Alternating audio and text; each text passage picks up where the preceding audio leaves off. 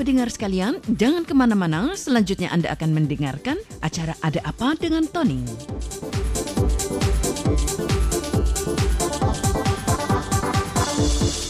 Selamat sore para pendengar sekalian yang tercinta di mana pun saja Anda berada. Saat ini Anda sedang menikmati acara Ada Apa Dengan Tony yang disiarkan dari Radio Taiwan Internasional. Para pendengar sekalian, Indonesia sudah berusia 74 tahun. Tepatnya dirayakan pada tanggal 17 Agustus 2019 yang lalu. Namun tentu saja dalam perayaan di mana Indonesia tengah merayakan hari kemerdekaannya, ada kejadian dan juga insiden yang terjadi di Surabaya, kemudian berentet hingga ke kota lainnya. Walaupun mungkin Tony yang saat ini sedang berada di Taiwan tidak begitu paham dan juga tidak begitu mengerti berkenan dengan informasi yang paling akurat yang benar-benar terjadi sehubungan dengan masalah kerusuhan yang terjadi tanggal 17 Agustus 2019 tepatnya di Surabaya, yaitu masalah tentang anak-anak sekolah yang berasal dari Papua yang mendapat tudingan tentang pelecehan dan juga penistaan terhadap bendera Indonesia. Para pendengar sekalian, informasi seperti demikian ada benar, ada tidaknya.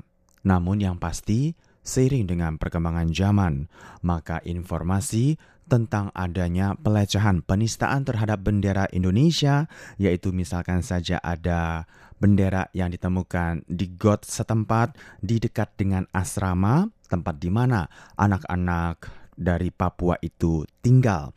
Mereka adalah mahasiswa. Nah, alhasil dari satu WhatsApp hingga ke WhatsApp lainnya, bergerak di dalam media sosial, ternyata mampu mendatangkan ribuan orang untuk mengepung asrama tempat tinggal para pelajar asal Papua ini. Mereka semuanya mungkin saja ya emosi. Yang berada di luar sana, di luar gedung, di luar asrama, sangat emosi mengingat ada bendera yang ditemukan di got. Benar atau tidaknya, siapa gerangan yang membuat hal seperti demikian? Itu masih harus mendapat satu penyelidikan lebih lanjut dari aparat kepolisian terkait. Sementara bagaimana halnya dengan anak-anak Papua yang berada di dalam asrama? Mereka semuanya tentu saja tidak berani keluar karena jumlahnya hanya puluhan. Dan seperti informasi yang sudah teman-teman dapatkan, baik itu dari media sosial ataupun juga dari koran-koran mainstream ataupun juga bahkan dari televisi, ada 43 pelajar asal Papua yang diamankan oleh petugas. Walaupun akhirnya keesokan harinya dipulangkan. Nah, para pendengar sekalian, hal ini tentu saja tidak hanya berhenti di Surabaya saja, tetapi meluas hingga ke daerah lainnya. Misalkan saja Malang. Hal serupa juga terjadi, mengingat beberapa kota ini yang berada di kawasan Jawa Timur memang banyak sekali pelajar-pelajar asal Papua yang tengah melanjutkan pendidikannya. Menurut Tony sendiri ini merupakan sebuah hal yang baik, karena Papua memang jauh, nun jauh di sebelah timur sana, dan sangat sulit untuk bisa mendapatkan akses untuk melanjutkan pendidikan yang lebih baik.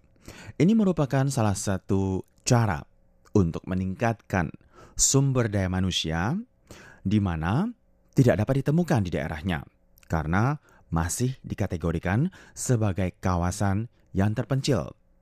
Semuanya tahu, bukan hanya Tony saja, bahkan seluruh masyarakat Indonesia pun tahu bahwa Papua adalah tempat ataupun juga pulau yang paling timur di Indonesia. Nah, sementara pembangunan yang berada di sana, walaupun seiring dengan program-program yang telah dijalankan oleh Pak Presiden, yaitu Bapak Joko Widodo, namun tentu saja setiap pembangunan yang sudah diselesaikan tidak serta-merta. Dalam kurun waktu beberapa bulan atau satu dua tahun, lantas perekonomian setempat bisa lebih maju ataupun juga langsung meroket itu tampaknya tidak benar, karena memang tidak ada satupun. Bahkan dalam catatan sejarah pun tidak ada satu daerah ataupun juga kawasan yang mendadak kaya ataupun juga mendadak menjadi maju dalam kurun waktu satu hingga dua tahun. Semua pembangunan membutuhkan waktu, termasuk juga pembangunan mulai dari yang paling sederhana, misalkan saja dari pembangunan infrastruktur hingga pembangunan sumber daya manusia dan yang selanjutnya. Para pendengar sekalian, kejadian ini tentu saja karena adanya penangkapan, kemudian adanya informasi yang kurang begitu aktual yang disampaikan kembali ke Papua, alhasil menyebabkan masyarakat Papua menjadi emosi. Emosi kemudian ditumpahkan dengan aksi demonstrasi di jalan, kemudian membakar gedung DPRD dan juga penjara yang berada di kota Sorong. Yang tentu saja akhirnya ada lebih daripada 250-an orang penghuni penjara pun menggunakan kesempatan ini melarikan diri. Para pendengar sekalian, ini merupakan sebuah hal yang patut kita pelajari bersama dan patut kita diskusikan, mengingat ini merupakan sebuah kejadian yang bukan hanya satu atau dua kali saja. Seperti tulisan Tony sebelumnya di dalam akun Facebook Tony sendiri, yaitu Indonesia yang kerap mengaku dan memang benar, Indonesia kaya ragam, kaya akan misalkan saja sumber daya alamnya, Mungkin saja kaya akan sumber lautnya. Dan kaya akan jumlah penduduknya. Nah, di dalam penduduk yang jumlahnya lebih daripada 250-an juta orang, itu masih terbagi lagi menjadi berbagai provinsi, menjadi berbagai suku. Nah, para pendengar sekalian, keragaman ini bisa menjadi sebuah kekayaan yang merupakan nilai jual dari sebuah negara. Kalau misalkan saja keragaman tersebut itu bisa dikelola dengan baik, maka ini menjadi nilai plus. Artinya, Indonesia mampu menjadi contoh bagi negara lain sebagai negara yang memiliki rasa toleransi yang tinggi terhadap keragaman dan juga perbedaan. Indonesia kerap dicap sebagai negara yang mungkin saja kurang begitu bisa toleransi terhadap perbedaan khususnya dalam bidang sara, yaitu suku, agama, ras, dan antar golongan. Hal ini terjadi bukan hanya satu dua tahun saja, bahkan sudah terjadi sejak dari zaman penjajahan yang mungkin saja terus dilanjutkan hingga era Negara Kesatuan Republik Indonesia lahir tahun 1945 yang lalu. Para pendengar sekalian, dari berbagai tulisan yang Tony baca dan juga informasi yang Tony dapatkan dari televisi ataupun juga mungkin saja dari berbagai media yang ada, uh, boleh dikatakan hampir semua petinggi pejabat yang berhubungan erat dengan kasus ini semuanya juga sudah turun ke lapangan memberikan masukan dan juga menerima semua protes dan juga semua kritikan yang disampaikan oleh masyarakat. Semuanya diterima dengan hati yang lapang.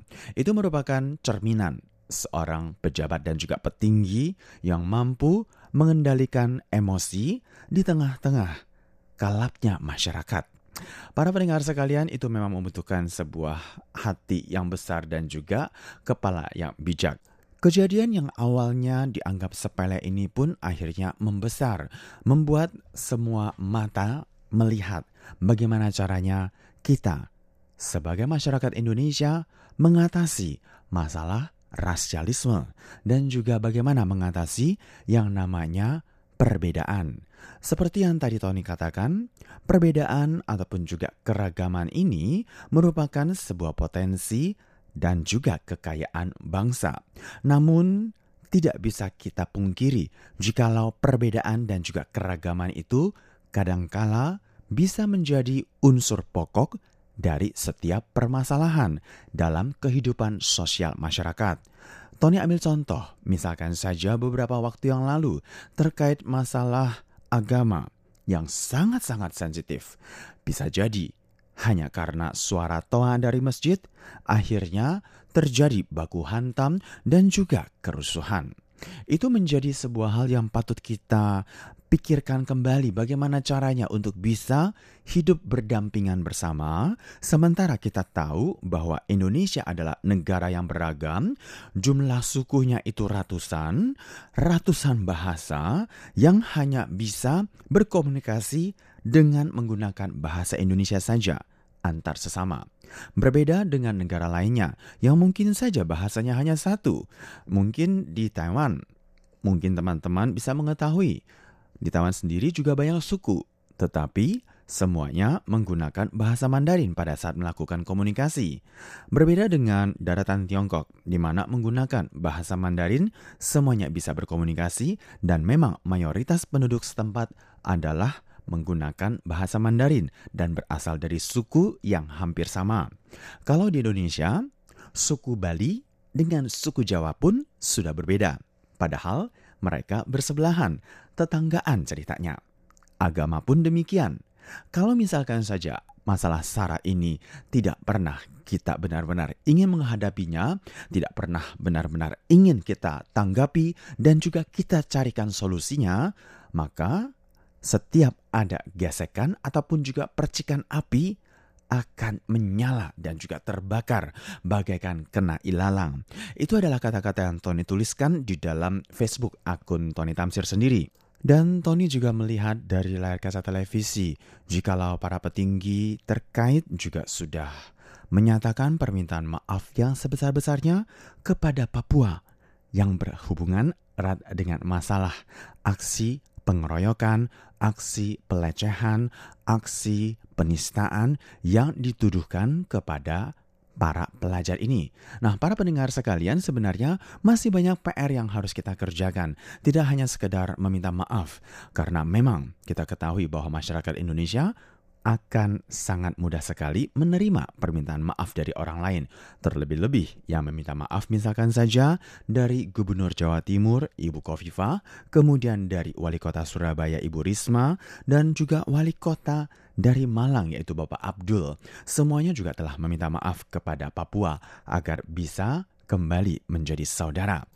Di sini ada beberapa hal yang ingin Tony angkat dan juga mungkin saja ya bisa kita diskusikan bersama dengan para pendengar lainnya. Siapa tahu saja Anda juga memiliki pandangannya sendiri. Silahkan melayangkan email ataupun juga bisa inbox langsung ke Facebook RTISI ataupun juga email ke RTISI. Nah, para pendengar sekalian dari kejadian ini mungkin saja masyarakat Papua menjadi kesal karena sudah puluhan tahun mendapat perlakuan tidak bagaikan orang Indonesia. Jadi dari Bapak Gubernur Papua sendiri juga mengatakan bahwa masyarakat Papua tidak di Indonesiakan dengan baik. Artinya mungkin saja ada perlakuan yang berbeda khususnya terhadap uh, kelompok ataupun juga mungkin saja suku ataupun juga latar belakang agama yang berbeda dengan yang mayoritas. Nah, para pendengar sekalian, kalau misalkan saja ada yang mengatakan bahwa ada pihak aparat yang menyebutkan istilahnya kata-kata yang kasar, penyebutan nama binatang dan lain sebagainya, bahkan ini juga menjadi salah satu bahan contoh dari para pendemo untuk menggunakan kata-kata yang sama itu merupakan sebuah hal yang sangat tidak benar ya. Semoga saja tidak ada hal tersebut dan bisa terus ditindaklanjuti jikalau memang ditemukan. Di sini Tony ingin mengutip pernyataan dari Menko Polhukam Wiranto yang menyebutkan pernyataan negatif oleh sejumlah oknum terkait pelecehan bendera merah putih di Jawa Timur merupakan pemicu aksi di Papua dan Papua Barat. Bapak Wiranto juga telah menginstruksikan pengusutan secara tuntas dan adil terhadap siapa pun yang melakukan pelanggaran hukum dalam peristiwa kericuhan itu. Jikalau kita melihat dari berbagai sudut terhadap permasalahan yang terjadi di Indonesia, tepatnya di Surabaya dan juga di Papua ini, uh, bagi mereka yang melanggar, yang menyulut ataupun juga yang mencoba memulai berbagai aksi yang anarkis dan juga tindakan yang kurang baik, misalkan saja adanya penggunaan kata-kata kasar, kemudian mulai adanya aksi pembakaran, memulai aksi kerusuhan, maka mereka inilah yang harus bertanggung jawab dan juga tentu saja harus diadili dan juga dimasukkan ke dalam ranah hukum. Sementara mengenai masalah sakit hati dari kaum masyarakat Papua yang kerap mendengarkan sebutan kata-kata binatang terhadap dirinya, pelabelan seperti ini mungkin saja masih membutuhkan waktu yang panjang agar bisa kembali tenang. Dan di sini walaupun banyak sekali para pejabat dan juga petinggi yang sudah mengatakan untuk bisa bersikap tenang dan juga berkepala dingin.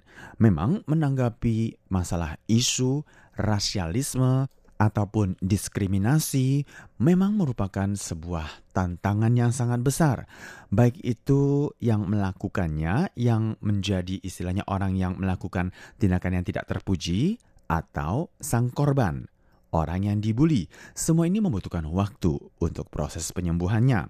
Dan yang pasti, melalui pendidikan, itu merupakan jalan yang paling benar karena setiap pendidikan itu jikalau bisa memasukkan unsur-unsur bagaimana caranya agar bisa kita bersama-sama hidup dalam keragaman ini merupakan sebuah kunci utama penyelesaian masalah yang kerap terjadi karena adanya perbedaan yang sangat beragam di Indonesia. Sedikit informasi untuk teman-teman sekalian berkenan dengan kondisi di Taiwan sendiri bagaimana caranya Taiwan melihat setiap perbedaan dan juga keragaman yang tanpa disadari terus masuk ke Taiwan yang berasal dari luar negeri seiring dengan kebijakan menuju selatan maupun adanya para tenaga kerja asing baik yang berasal dari Indonesia, Thailand, Filipina, dan juga Vietnam. Nah, para pendengar sekalian, pemerintah sendiri juga mencoba membuka hati, kemudian juga merangkul para masyarakat asing yang kebetulan saja menetap dan tinggal di Taiwan, kemudian mempelajari bagaimana caranya agar bisa menstabilkan kondisi dan juga menyelaraskan setiap perbedaan yang ada. Bisa jadi yang satu suka pakai kebaya, yang satu lagi suka mengenakan celana. Bagaimana caranya untuk bisa hidup berdampingan? Semuanya tentu butuh kepala dingin dan juga hati yang bijak serta lapang dada agar permasalahan bisa terselesaikan dan membuat keragaman itu menjadi sebuah kekayaan negara. Baiklah, para pendengar sekalian, tampaknya waktu juga hampir tiba dan Tony sengaja memutarkan sebuah lagu yang berjudul Pemuda agar kita bisa kembali lagi bersama-sama bergandengan tangan dan dengan lantang kita nyatakan bersama bahwa kita cinta Indonesia. Kita adalah bangsa Indonesia, bangsa yang penuh dengan keragaman, yang penuh cinta damai. Usai sudah perjumpaan kita di dalam acara Ada Apa Dengan Tony, kita sua lagi di lain kesempatan. Sampai jumpa. Bersatulah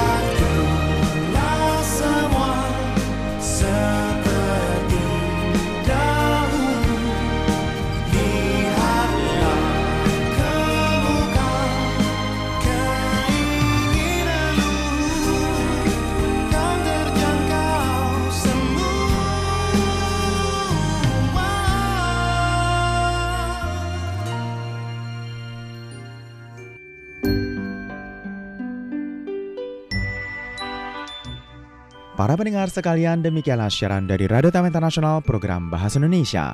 Acara kami sendiri disiarkan tiga kali sehari antara lain, siaran pertama disiarkan pada pukul 10 hingga 11 UTC dengan gelombang SW 11915 kHz. Untuk siaran kedua disiarkan pada pukul 12 hingga 13 UTC dengan gelombang SW 11915 kHz. Dan siaran ketiga disiarkan pada pukul 14 hingga 15 UTC dengan gelombang SW 9735 kHz. Untuk acara hasil kerjasama dengan Kementerian Ketenagakerjaan Taiwan disiarkan setiap hari Kamis pukul 20 hingga 21 waktu Taiwan dengan gelombang MW 1422 dan siaran ulangnya disiarkan pada hari Jumat pukul 8 hingga 9 waktu Taiwan dengan gelombang MW 1422. Guna memudahkan pemantauan siaran dari RTI, silahkan mengunduh aplikasi Radio Taiwan Internasional di dalam gawai dan juga gadget Anda.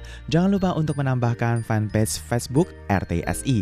Untuk kritik dan saran, silahkan kirimkan email Anda ke rtsi@rti.org.tw. Dan untuk surat tertulis, silahkan layangkan ke PO Box 123 strip 199 Taipei City, kode pos 11199 Taiwan. Para pendengar sekalian, jangan lupa untuk selalu mendukung dan mendengarkan siaran dari Radio Taiwan Internasional program Bahasa Indonesia. Terima kasih.